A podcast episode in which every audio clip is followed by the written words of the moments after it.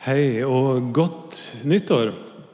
Jeg håper dere har hatt ei storfin julefeiring. Jeg syns dere har lagt på dere. Nei da, dere er så fine at det eh, Hvordan havna vi her? Det er dagens store spørsmål. Og Én ting er hvordan vi havna her i kraftverket i dag. Det er det sikkert mange svar på. Men jeg står nå her og prater til dere hver en søndag nesten og tenker hver gang hvordan havna jeg egentlig her? Hvordan ble denne kirka og denne gjengen her en så stor del av livet mitt? Det var ikke helt planen. Det var ikke sånn jeg hadde tenkt det skulle bli. og jeg lurer på av, og til, Hva var det som skjedde underveis der? Og så vi som sitter her, bor sannsynligvis i Oslo. Hvorfor havna vi her, og ikke i Bergen? Jo er en nesten like fin by. Eller Trondheim, eller heimplassen vår. Hvorfor havna vi ikke der? Og vi som er gift, hva hadde skjedd hvis vi ikke hadde møtt den vi gifta oss med? Hadde vi vært et helt annet sted da? Levd et helt annet liv? Hvordan havna vi der vi er i livet? Er det styrt av masse tilfeldigheter? Eller har vi tatt noen bevisste valg underveis? Eller er det en kombinasjon av de to tingene? Og enda viktigere er vi på rett spor? Er vi fornøyd med livet sånn som det er? Eller skulle vi ønske at vi var et helt annet sted? At vi var på en helt annen plass i livet? Denne uka så hørte jeg en kjempefin historie om en fyr som heter Marco El Safadi. Jeg vet ikke om dere tar navnet, men jeg tror ganske sikkert dere vet hvem han er. Det er han eh, hyggelige, sjarmerende fyren med palestinsk bakgrunn. Høy og mørk, som har vært kanskje Norges beste basketballspiller i mange år. Og jeg vet at dere er altfor hippe til at dere bruker lørdagskveldene til å sitte og se 'Mesternes mester' Men han vant altså 'Mesternes mester' her et år, og det er vel det han er aller mest kjent for blant i det norske folk. da. Marco El Safadi. I dag så jobber han med ungdom som har det vanskelig. Og så holder han masse foredrag, skriver bøker om motivasjon, ledelse, integrering. En del sånne store ord. Marco han er fra Palestina. Da han var ti år, så flykta familien til Berlin. Og Der ble familien bosatt i en liten getto med flyktninger midt i byen. Og Det Marco likte aller best, det var når han og kompisene gikk ut i gata og sparka fotball. Og Hver dag så parkerte postmannen nederst i gata. og Så tok han trillebagen sin med seg ned gjennom gata og så leverte han post til alle som bodde der. Og Når han gikk forbi disse guttene, så ble han med i, i fotballsparkinga. Herja litt med ungene. Og En dag så spør postmannen mora til Marco du, hvorfor spiller ikke disse guttene på et lag. Og Mora til Marco sier ja, men hvordan, det vet ikke jeg hvordan jeg skal få til. Hvordan funka det? Så postmannen tar ansvar. Meld denne gjengen på et lag i Berlin. Og så kjører han de til alle treninger og alle kamper i to år. Og Etter to år så flytta Marco og familien videre til Norge, til Kragerø. Og Her kjente han ingen. Men første uka så ble han med på fotballaget. Og når han endelig fikk lov å begynne på skolen, så var selvfølgelig halve laget i klassen hans. Og Her starter ikke bare integreringa, men her starter altså det som senere har vist seg å bli en av Norges mest vellykka idrettskarrierer. Marco El Safadi var aldri i tvil om hva han skulle satse på. Og Når han reflekterer rundt dette her, så sier han det at alt som har skjedd senere i livet, kan egentlig spores tilbake til denne postmannen. Det ble en avgjørende hendelse, et avgjørende møte, som gjorde at jeg har havna der jeg har havna. sier han. Og ikke det er fascinerende? Hvor lite som skal til Livet består av en million detaljer og enkelthendelser. Det består av masse møter med folk, det består av valg som vi tar mer eller mindre bevisst. Og Alt det her til sammen gir det oss en retning i livet, og det gir oss en identitet. Noe vi kan forankre livet i. Noe bra, og noe er sikkert dårlig. Og jeg tenker at Historien om de tre vise menn som vi nettopp hørte, den handler om akkurat det der, om å ha en tydelig retning i livet, å ha en forankring. Og så handler historien om å miste sporet, akkurat sånn som Iselin sa. Hva skjer når vi mister sporet. Og da, da går vi ofte feil. Dette er en utrolig fin historie i Bibelen, Matteus 2, der teksten starter med at Jesus er født. Og så tropper altså vismennene opp hos Herodes i Jerusalem. 'Vi har sett stjerna til jødenes konge', sier de, 'og vi har kommet for å hylle ham'. Det er en spesiell ting å drive med. Har dere tenkt på det? Disse folkene her kommer seg fra Østen. Det er langt borte. Kanskje de bodde i Kina? Vi vet ikke. Østen er stort, men kanskje de bodde i Kina, langt av gårde. Og noen uker, kanskje til og med noen måneder tidligere, så hadde de sett denne stjerna. Og Det står ingenting om det, men på et eller annet vis så måtte de jo ha fått en opplevelse. Et slags kall til at dit stjerna leder oss, dit skal vi gå. Det er noe spesielt her. Vi går i den retninga der. De har hatt en opplevelse som gjorde at de begynte å gå. For det vi vet, er at de begynte å gå.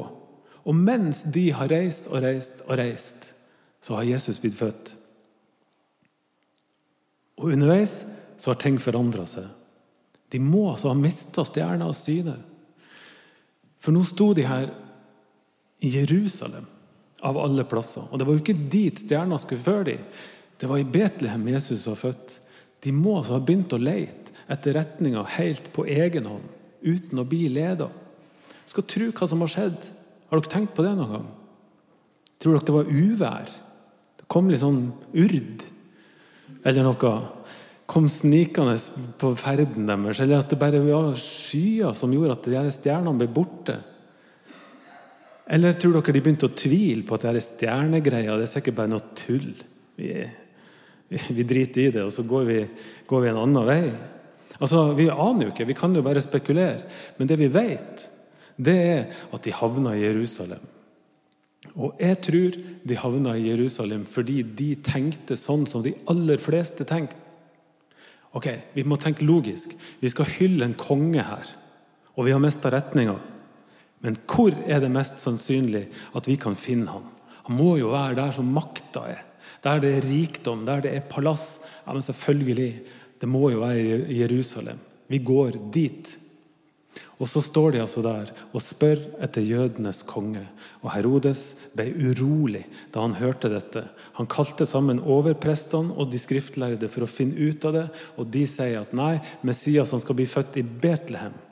Og så gir Herodes de tre vise menn en helt ny kurs. Dra til Betlehem, sier han. Og så kom tilbake til meg med nyheter om barnet. Og det der syns jeg er så utrolig fint. Herodes, av alle sure, sinte, livredde Herodes, ga dem en ny retning. Og de dro av sted. Og så står det 'se'. Stjerna som de hadde sett gå opp den gikk nå foran dem, inntil den bestående over stedet der barnet var. Nå var de tilbake på sporet, og da de så stjerna, ble de fylt med jublende glede, for de visste at nå er vi på rett vei igjen. Og Da de kom fram, hyllet de Jesus og ga de gavene som de hadde tatt med. Jeg tenker om denne historien den sier noe om at når vi ser Gud, eller når vi ser noen tegn på at Gud vil noen ting, Gud vil noe med livene våre, så er det en heftig opplevelse som gir oss ei retning i livet. Hvis vi ser at Gud vil noe med oss, så vet vi hvor vi skal, og vi vet hva vi skal. Og så kjenner vi at det er godt å være på rett spor. Men så er det fort gjort å miste Gud av syne, og det skal jammen ikke så mye til. Det er så mange ting som lyser sterkere enn Gud. Penger lyser sterkere enn Gud ofte. Makt, suksess, og popstjernedrømmer og nytelse og begjær. Masse sånne ord som vi kan bruke. Karrieren vår lyser ofte mye sterkere enn Jesus. Sykdom, nød, gleder og sorger kan ta alt fokus i livet vårt. Og i stedet for å se Gud, så er det så fort at vi bare ser oss sjøl. Ser det vi strever med, ser det vi er glad for, ser det vi sliter med. Men den gode nyheten er at uansett hvor mange ganger eller hvor på feil spor vi havner, så gir altså Gud oss en ny sjanse. Alltid. En ny mulighet til å komme på sporet igjen. Han kan til og med bruke de som har onde hensikter, til å peke ut retninga på nytt, sånn som Herodes gjorde. Ingenting er umulig for Gud. Jeg vet ikke om noen av dere har sett Jesus. Jeg har ikke sett Jesus. Men jeg kjenner folk som sier at de har sett Jesus. Faktisk opptil flere. En av de merkeligste historiene det er det ei nabodame som har fortalt. Verdens flotteste nabo som var ute og gikk tur her om dagen, og som stoppa utafor huset mitt fordi jeg sto der, og så begynte vi å prate. Og så sto vi der og prata kjempelenge om ganske alvorlige ting etter hvert. Og så sa hun Du vet helt sikkert at jeg er ateist. Men vet du hva? Jeg har altså sett Jesus. Og jeg mener, det er jo artig, det, da. Du trenger ikke å være pastor for å liksom Ja, ok, jeg er klar for resten her. Og så forteller hun at da sønnen hennes ble født på sykehuset, da kom Jesus inn i rommet rett etter fødsel. Og så la Jesus seg i senga sammen med den lille babyen. Og jeg syns jo det var litt rart, sier hun. Og jeg kan jo i hvert fall ikke forstå det. Og egentlig så syns jeg ikke det er viktig i det hele tatt. Men det var fint. Det var det. Det var ordentlig fint. Og jeg har sagt det mange ganger til sønnen min at det er sikkert noe spesielt som våker over det og livet ditt. Og jeg tenker som så at på mange måter så har denne naboen min sett den derre stjerna, og så valgt å ikke følge den. Og så lever hun kjempegodt med det. Hun har et godt liv, for alt jeg vet. Eller sannsynligvis har hun et godt liv. Og hun er i hvert fall et fantastisk menneske. Det er det beste hjertet i nabolaget. Og så tenker jeg at ofte så tror, i hvert fall har jeg trodd det mange ganger, at bare jeg kan se Jesus tydelig, bare jeg kan ta tak i han nesten, ta og føle på Jesus, hvor lett det skulle ha vært å holde seg på sporet og la seg lede han i stort og smått. Og så, når jeg får tenkt meg om, så tenker jeg at mm, jeg er ikke så sikker. Jeg er ikke så sikker på at det er sånn det funker. Jeg er ikke så sikker på at veien til Gud og veien til Jesus går fra mirakel til mirakel, eller fra sånne syn til, som hun naboen min hadde. Jeg tror at veien til Jesus går gjennom mange gode vaner i hverdagen vår. Jeg tror at det vi bruker tida vår på, det blir vi. Jeg tror at det vi bruker tid på, det er det som vi først og fremst gjør. At vi havner der vi havner. Og så tror jeg at vi er nødt til å velge Jesus. Jeg har trua på den gode vanen som, som kommer av at vi har valgt Jesus. Den vanen som gjør at vi faktisk går i kirka hver søndag eller at vi bidrar i denne kirka på en eller annen måte. Jeg tror det hjelper oss til å holde oss på sporet. Til å ta imot nattverden, være med på bekjennelsene, bønnene, sangen i denne kirka. Jeg tror det hjelper oss å holde oss på sporet. Tenn et lys bakerst. Jeg tror det er kjempeviktig.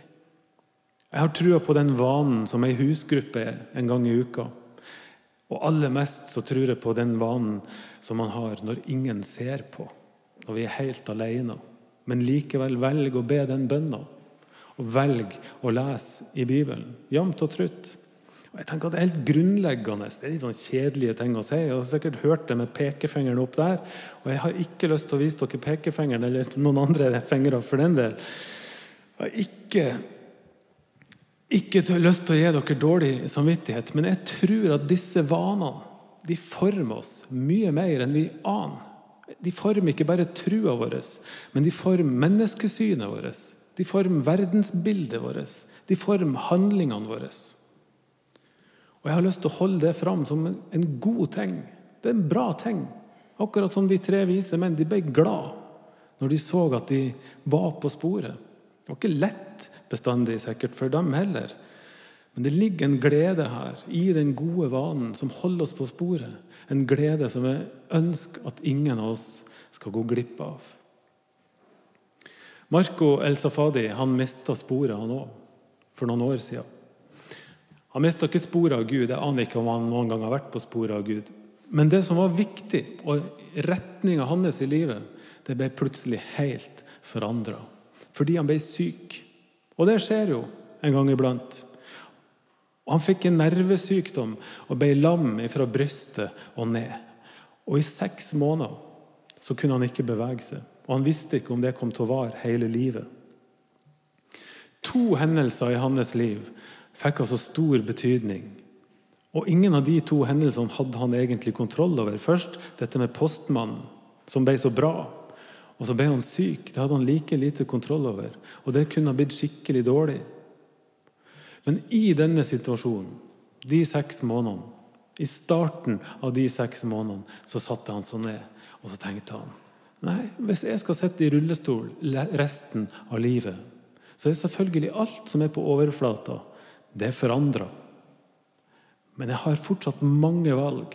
Jeg kan velge hva som skal styre livet mitt under overflata. Hva er det jeg vil for noe med livet mitt? Hva er det som er viktig i mitt liv om jeg går på beina mine, eller om jeg sitter i en rullestol. Det skal jeg finne ut av, tenkte han. Og Så begynte han å tenke, og så fant han ut at min identitet den er jo ikke å være basketballspiller. Det er ikke viktig nok. Så det er ikke så farlig hvis jeg aldri kan spille basket igjen. Det er mye viktigere å være far til dattera mi, kom han fram til. Og jeg kan jo fortsatt være en god far sjøl om jeg sitter i rullestol. Det er viktigere for meg å være en god mann til kona mi og jeg kan jo fortsatt være en god mann selv om jeg sitter i rullestol. Og alle disse ungdommene som han jobber med, og som sliter Jeg kan jo ha verdens beste samtaler med de og bety noe for de, kanskje med enda større pondus enn før, hvis jeg sitter i rullestol. I denne vanskelige situasjonen så setter han seg ned og så tar han, sånn, tar han noen valg. Han velger hvem han vil være. Han velger hvilken retning han vil ha i livet, og hva slags liv han ønsker å leve, uavhengig av de ytre omstendighetene. Og der, dere, har jeg lyst til å avslutte med en utfordring og oppfordring og hva det nå heter, for 2017. Jeg skulle ønske at vi i Kraftverket kunne starte det nye året med å ta et sånt valg. Hvor er vi i livet? Og ikke bare 'hvordan havna vi her', men hva er det som er viktig for oss? Og hva er det vi ønsker skal være den grunnleggende retninga i livet våre, livene våre, uavhengig av hva som befinner seg oppå overflata? Det er mange ting vi ikke har kontroll på. Sykdom, f.eks. Livet blir ikke alltid sånn som vi har tenkt. Og mange tilfeldigheter kan få store konsekvenser. Men vi har faktisk kontroll over ganske mye. Vi har kontroll på hvorvidt vi ønsker å velge Jesus som en styrende retning i livet vårt. Vi kan velge å feste blikket på Jesus når vi definerer den grunnleggende retning i livet. Det er et valg vi kan ta, og jeg ønsker at vi skal ta og starte det nye året med å ta det valget. Nå skal vi snart ha nattverd, og nattverden den hjelper oss helt praktisk og fysisk til å ta det valget. Nattverden handler om å velge Jesus, gå til Jesus, som er her konkret i brød og vin, og på den måten si at OK, Jesus, jeg ønsker å følge det. Og så blir vi tatt imot av Jesus, akkurat sånn som vi er, uansett hvor vi er i livet, uansett hva slags bagasje vi har, om vi er på rett spor eller ikke. Jesus tar imot alle. Og så gir han en ny sjanse uansett og alltid.